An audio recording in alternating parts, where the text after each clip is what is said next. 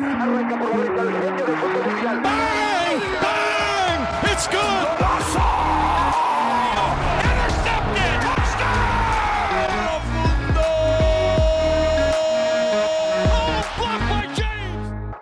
Bienvenidos a un nuevo episodio de La Voz de la Tribuna.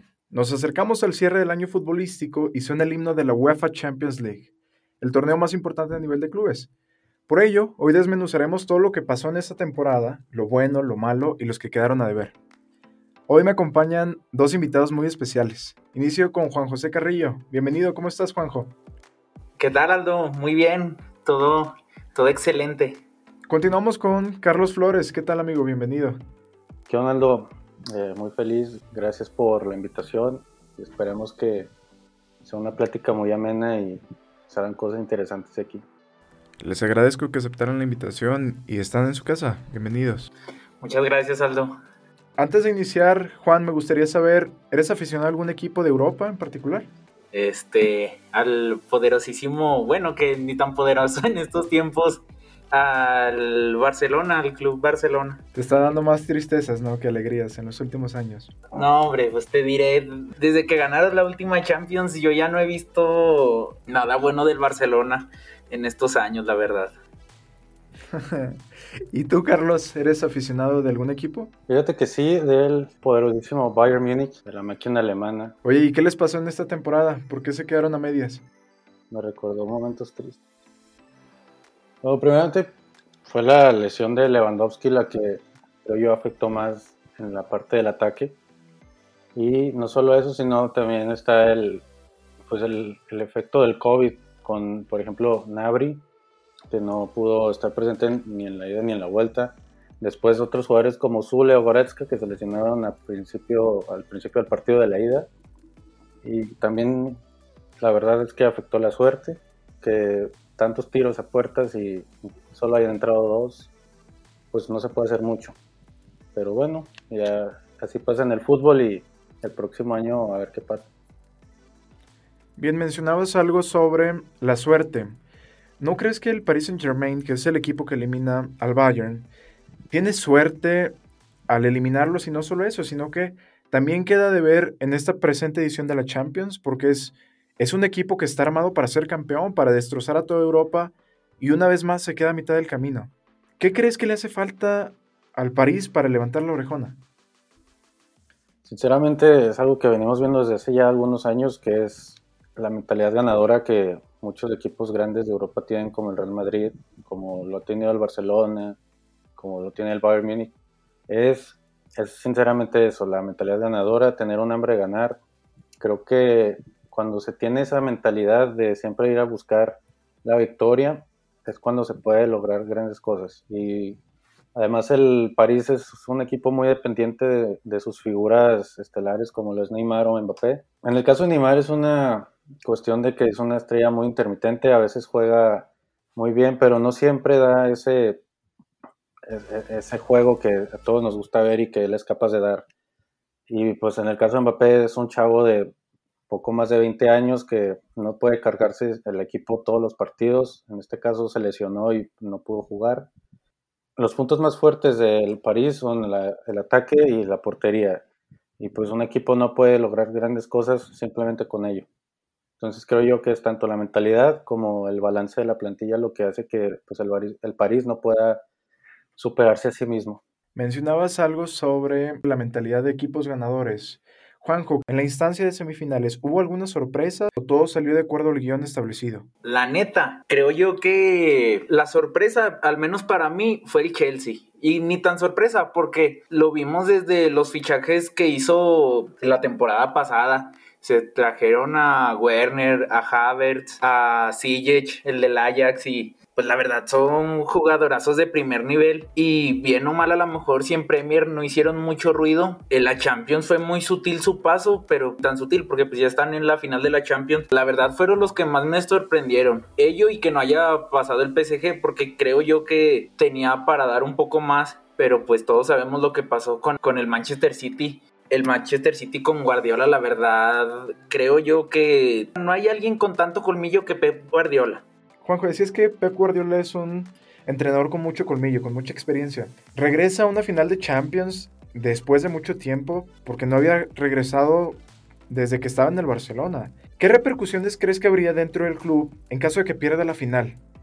¿Es una deuda pendiente de Pep ganar la Champions con otro equipo que no es el Barça? Siéndote sincero, la verdad yo creo que sí. La liga sí es muy importante y pues ganar la Premier no es cualquier cosa porque están los, los grandes equipos ingleses y pues sí está difícil, la FA Cup y lo que tú quieras, pero la neta, lo mero bueno o donde creo yo que ya dejas tu huella plantada en un equipo es ganar la Champions. Y la verdad yo sí creo que, que si no gana la Champions sí va a quedar a deber muchísimo. ¿Y te gustaría que regresara al Barcelona en caso de que saliera del City? Siéndote sincero, sí. Por eso te digo yo que tiene mucho colmillo Pep Guardiola, porque yo no he visto a un director técnico que les da una confianza que no te imaginas. Y el claro ejemplo de ello es Messi. La mejor época en la que Messi ha estado fue con Pep Guardiola. ¿Quién no quisiera ver regresar a Pep Guardiola al Barcelona y lo ganó todo? Y dejó la vara muy alta, en pocas palabras, en el Barcelona. Luis Enrique en el Barcelona del 2015 con Neymar y Suárez sí hizo grandes cosas, pero creo yo que para el juego que tenía aparte de que ganó trofeos, el juego que manejaba era impresionante. Y para ti, Carlos, tu equipo busca entrenador de cara a la próxima temporada. ¿Crees que le quería bien el regreso de Pep o qué candidatos propones para tomar el timón? Bueno, creo que la relación del equipo bávaro con Pep Guardiola es de esas relaciones tóxicas que ya fueron lo suyo.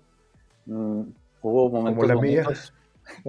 sí, como la tuya. Bueno, hubo momentos bonitos, pero ya cada quien debe seguir su camino, vaya, o sea, que Guardiola regrese al equipo del Bayern, no creo que le vaya a dar un plus al Bayern ni un plus a Guardiola, además creo que para el equipo alemán lo mejores son eh, directores técnicos alemanes, que la verdad es la mejor escuela del mundo. Además, pues ya tienen ahí firmado al, Julian Nagelsmann, que no estuvo nada barato, de hecho, pero pues esperamos que haga las cosas muy bien, porque estos últimos partidos con el Leipzig sí ha quedado un poco a deber. A lo mejor es eso que ya no va a seguir ahí, el hecho de que ya no quiere pues meterle tanto. Eh, Juan, para ti que eres aficionado al Barcelona, ¿qué te deja que cada vez sea menos frecuente ver equipos españoles como el Real Madrid, el Barcelona, en instancias mayores de la Champions? ¿Crees que se termina el dominio español y que salen nuevos equipos a flote como los ingleses o qué está pasando? Yo creo que más que eso, este, yo digo que ya son ciclos que se van abriendo y se van cerrando porque creo yo que todas las ligas tienen su época en que dejan, o sea, que reinan más que nada en el fútbol. Porque en los noventas, que era la italiana, de los 2000 ahí se dividía que el inglesa, que hay dos, de repente la española. Del 2010, ahora pues se ha notado un poco más la huella española, pero pues creo yo que son, son ciclos o son etapas en que hay equipos que bajan su rendimiento y obviamente va a haber otros que lo van a subir y yo digo que es más por eso, por algo cíclico a lo que nos estaban acostumbrando los últimos años era de los mejores jugadores estaban en el Real Madrid o en el Barcelona, no había más. Y ya con lo que está haciendo el PSG y el Bayern Múnich y otro tipo de equipos, están dividiendo más a los jugadores. Me hace más atractivo ver algo así, se me hace más equilibrado y mejor espectáculo. Ver a todos los equipos más equilibrados en cuestión de plantillas que nada más ver uno o dos reinando siempre. Carlos, Juan mencionaba algo sobre los fichajes y sobre el dominio de los equipos. ¿No crees que en el caso del Bayern Múnich es algo totalmente contrario? Por ejemplo, un equipo que domina la liga de principio a fin y que desde el inicio de la temporada se sabe que va a ser campeón. ¿No crees que le hace falta algo a la liga alemana para cambiar? Sí, le hace falta que equipos como el Borussia Dortmund o el Borussia Mönchengladbach, el Frankfurt, equipos de ese estilo, pues hagan unos proyectos sólidos que funcionen para ganar trofeos internacionales o al menos locales. El Borussia Dortmund es el único que le puede dar la competencia directa al Bayern Múnich y no hace un proyecto sólido. Tiene jugadores como Haaland, tiene a la defensa jugadores como Hummels, tiene en las bandas a jugadores como Sancho, pero eso no es suficiente si no tienes un proyecto ganador. El único, el único trofeo que han ganado fue el de la Pocal hace unos días pero fuera de eso no han logrado conseguir algo relativamente importante. Por lo tanto, creo que es armar un equipo con un proyecto ganador. Pero Borussia Dortmund hace proyectos que son pues para otros fines más que para ganar, por ejemplo, la Champions League, porque jugadores sí tiene. Y en el caso del Leipzig, pues es un equipo relativamente nuevo que no tiene ni más de 15 años de haber existido, por lo tanto creo que va en buen paso para lograr grandes cosas. Ya se coló en una semifinal de Champions, esta temporada quedó en segundo lugar de la liga, llegó a la final de la Pocal, entonces poco a poco creo que equipos como estos son los que van creciendo. Y pues sí, sí hace falta, pero más que nada armar proyectos, más que traer más estrellas, es hacer proyectos ganadores. Y con respecto al fútbol europeo, ¿te gusta que sea un monopolio en cuanto a los campeonatos o te gustaría que fuera diversificado como lo está haciendo ahora? En el caso del monopolio, que fuera, no sé, tu equipo. Bueno, yo como aficionado de este equipo, que siempre ganen, pues estoy feliz, no me voy a quejar. Pero para el bien del fútbol sí es bueno de repente que gane otro equipo, no lo voy a negar. La verdad es que siento que no es tanto del Bayern, sino de los otros equipos. Si los otros equipos no le meten esas ganas, es, ese proyecto sólido, que también el dinero. Sí, porque la liga alemana tiene algo que no hacen fichajes extremadamente caros como lo hace la liga española o la liga de Inglaterra. Sinceramente son fichajes muy sutiles de todos los equipos, sinceramente desde el Bayern que es el más poderoso hasta el Borussia Dortmund que ficha estrellas a un precio súper accesible como fue el caso de Haaland o estrellas en desarrollo como Sancho que actualmente es de los mejores extremos del mundo y también costó una nada. Eso el monopolio creo que va de la mano de los proyectos, entonces por mi, por mi parte digo, si el Bayern sigue ganando no hay problema, pero por el bien del fútbol sí estaría bien algún que otro campeón en los próximos años.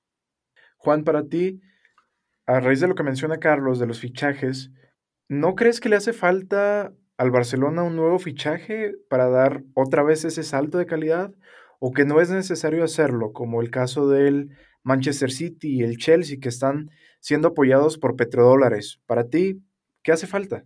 sí se necesita a lo mejor un nueve matón que esté en el Barcelona, porque bien o mal Griezmann como se, se venía pintando en el Atlético de Madrid y a como se ve en el Barcelona, pues nada que ver. Este Coutinho también muy apagado. Este, pues todo ese tipo de jugadores que uno los espera grandes estrellas y la realidad es otra. Creo yo que más que eso necesita un buen salto de calidad sería renovar plantilla. Una vez que hemos hablado sobre las sorpresas y sobre los equipos que quedaron a deber, les pregunto, para ustedes, ¿quién es el candidato a ser campeón de la Champions? ¿Quién es el favorito? ¿Quién debe ganarlo sin importar lo que pase? Para ti, Carlos, ¿quién es el favorito? Mira, yo podría decir que es el Manchester City, pero en los últimos partidos entre el Chelsea y el City, algo que podemos deducir es que la kriptonita de Pep Guardiola es este Chelsea de Thomas Tuchel. Qué fortuna que el equipo contra el que se tienen que enfrentar es contra este mismo equipo del Chelsea de Thomas Tuchel, quien ya los eliminó en la FA Cup, quien les ganó hace una semana en la Premier League. Entonces, creo que si hay un equipo que le puede ganar al Manchester City es este Chelsea. Por eso la veo muy cerrada a comparación del Liverpool-Tottenham, donde la verdad es que los Spurs no tienen mucho que hacer contra el equipo de club o el año pasado donde el Bayern era una planadora. Este año creo que es una final muy muy pareja y esperemos para el bien del fútbol sea muy cerrada, muchos goles más que nada y no tengo ningún favorito. Sí me gustaría ver a, al levantando la Champions, pero también ver a Tuchel que se le dé después del año pasado también me gustaría mucho. Entonces no voy por ninguno, solo espero ver muy, muy buen fútbol. ¿Tu pronóstico? ¿Algún pronóstico para el marcador? ¿O hay tiempos extras, se van a penales, un partido cerrado de pocos goles? 3 a 2 en tiempos extras. Sin importar para quién sea. Sí, no, la verdad no me importa quién gane. Creo que el hecho de que den lo mejor de ellos dos y haya muchos goles, me voy satisfecho. Bien, la gente quiere ver un duelo de goles, no un duelo defensivo, ¿cierto? Sí, además creo que ninguno de los dos equipos se caracteriza por ser defensivo. Igual Chelsea actualmente ha encontrado una solidez defensiva con Rudiger y con Thiago, pero fuera de eso no, no, es, no se acostumbra, por ejemplo, el, eh, con Simeone, con su Atlético, que es demasiado defensivo, con la Juventus, que a veces juega muy atrás. El Chelsea es un equipo que juega muy eh, verticalmente, siempre está atacando. Y el City tiene una muy buena defensa con Rubén Díaz y Stones, pero tampoco suelen depender demasiado de esa defensa, entonces creo que sí va a haber muchos goles. Y ojalá pues así sea. Bien, y para ti, Juanjo, ¿quién es el favorito? ¿Quién debe ser campeón? Quien debe ser campeón, el City, sin dudarlo. Pero sí es cierto lo que dice Carlos y es que es muy, está muy parejo. Y, y bien o mal, el Chelsea ha venido haciendo las cosas bien últimamente, pero va a ser un buen duelo. Porque más que nada lo que se caracteriza de esos dos equipos es la media y la delantera de las plantillas. Pero yo creo quien debe de ganar el, la Champions es el City. Pero igual no se me haría sorpresa ver a un Chelsea ganando su segunda Champions. ¿Tienes algún pronóstico con respecto al marcador? Va a ser por la mínima, o a lo mucho van a haber dos goles por un equipo, no creo que sea más, porque si se caracterizan mucho esos dos equipos por sus delanteras, va a estar muy cerrado, pero no creo que vaya a haber muchos goles. Entonces, si están haciendo su quiniela, tomen nota y prepárense para esta final de la Champions. Antes de despedirnos, me gustaría que pasáramos a la sección Piensa rápido. Es una sección en donde yo les digo ciertas palabras o conceptos y ustedes en la menor cantidad de palabras tratan de decirme lo que les genera, lo que les hace sentir o lo primero que les hace pensar. ¿Comenzamos? Dale. Dale. Bien, comenzamos contigo, Carlos. Ok. Iniciamos con Erling Haaland. Brutal. Fútbol. Pasión. Cristiano Ronaldo. Ídolo. Bayern Múnich. Grandes. Bayern Múnich 8, Barcelona 2. Histórico. Superliga. Espectáculo. ¿Posible? Por el momento no, pero no hay que descartar la idea. Buenas respuestas. Pasamos contigo, Juan. ¿Listo? Dale. Ok, iniciamos con Pep Guardiola. Genio. Barcelona sin Leo Messi. Renovado. Champions League. Lo mejor. Liverpool elimina al Barcelona. Desilusión. Superliga. Robo. ¿Al fútbol? Indudablemente. Muy bien, buenas respuestas. Eh, me gustaría saber por qué un robo al fútbol como un bonus a este episodio y como tema final. ¿Por qué crees que es un robo al fútbol? ¿Al, al fútbol o al aficionado? Creo yo que es a todos, porque se pierde mucho la esencia del ganarte tu puesto, de estar luchando y todo lo que quieras. Cuando estaba muy fresco todo sobre la Superliga y que Fiorentino Pérez iba a ser el presidente. Dice que supuestamente los equipos que están en la Superliga pues son los equipos que más invierten y entender que ellos se lo merecían estar en la Superliga por lo que gastan. Pero el fútbol, las plantillas sí dependen de qué jugadores traigas o compres, pero se pierde este espectáculo en cuestión de que hay equipos que dan sorpresas y aparte no, no me gustan en cuestión de que haya partidos buenos a cada rato. ¿Qué es lo que hace atractivo un buen partido? Que son dos grandes equipos y además que no se enfrentan muy seguido. Son juegos que se dan pocas veces en el año y eso es lo que lo hace especial o no sé, pero la verdad ya, ya no se me haría nada interesante. Muy bien, entonces para ti hay más contras que beneficios al iniciar este proyecto. Sí, dice Fiorentino Pérez que es para salvar el fútbol, pero para salvar el fútbol en cuestión de beneficios de él, porque así que tú digas que beneficia al fútbol en general, la verdad yo creo que no. Muy bien, y para ti, Carlos, tú apoyas este proyecto. Para ti, ¿quién gana? ¿El fútbol, los aficionados o los clubes? Principalmente gana- ganan los clubes quienes van a estar involucrados con la perizota que se van a llevar de, con el- la inversión de JP Morgan. Pero sinceramente, bueno, es un proyecto que se hace con fines económicos. El mismo Fiorentino lo dijo y creo que yo creo que hay otras maneras, vaya, de encontrar esa solvencia económica que se busca, de hacer más atractivas las ligas o las competiciones en Europa, como lo decía el presidente del Madrid, que es la razón es porque los jóvenes ya no se interesan en el fútbol. Bueno, creo que es un, es un comentario muy exagerado, pero puede haber otros modos de hacerlo, no necesariamente ser una liga externa y desafiliarte de la mayor confederación de fútbol que hay en el mundo, como es la UEFA. Además, equipos que juegan actualmente muy mal, como la Juventus, ni siquiera merecerían estar en ese tipo de Superliga, donde deberían de estar jugando los mejores equipos del mundo, el cual actualmente, por ejemplo, la Juventus no lo es. Así que si se reestructura de una mejor manera ese proyecto y no echar a perder, por así decirlo, la UEFA, me parece que está bien. Pero por el momento lo que se presentó es una idea muy errónea a lo que es realmente creo yo el fútbol. Perfecto, entonces pues tenemos dos puntos de vista contrastados y creo que es importante revisar los planes para la UEFA respecto a esas ideas. Por último, me gustaría que diéramos algunas recomendaciones a las personas que escuchan este podcast rumbo al final de la temporada y rumbo al calendario de competencias internacionales que vienen en el verano. Carlos, ¿qué consejos le das? ¿Qué recomendaciones tienes? Bueno, yo les recomendaría que este sábado de Champions lo disfruten, se preparen para un partidazo que creo yo va a dejar muchas emociones y que pronto se viene la competición más importante de todo el año a nivel de fútbol, que es la Eurocopa. Sin duda alguna creo que de aquí va a salir el balón de oro de esa competición. Así que hay que echarle un ojo a eso y también a los Olímpicos por parte de, de México, que va a jugar en el mismo grupo con Francia, con el local que es Japón. La verdad es que se va a poner muy interesante este verano empezando principalmente por el final de este mes, que es la final de Champions. ¿Y tú, Juanjo, qué consejo tienes para las personas que escuchan este podcast?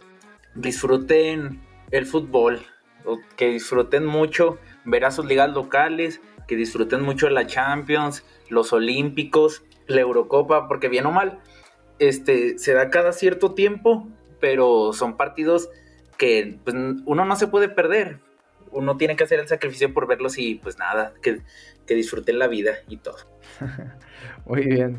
Eh, esto ha sido todo por hoy. Eh, gracias por escuchar este podcast, pero antes de despedirnos, ¿cómo los encontramos en las redes sociales? Juanjo, ¿cómo te encontramos? En Instagram me encuentran como hay Juan M, en Twitter igual, hay Juan M, denme follow.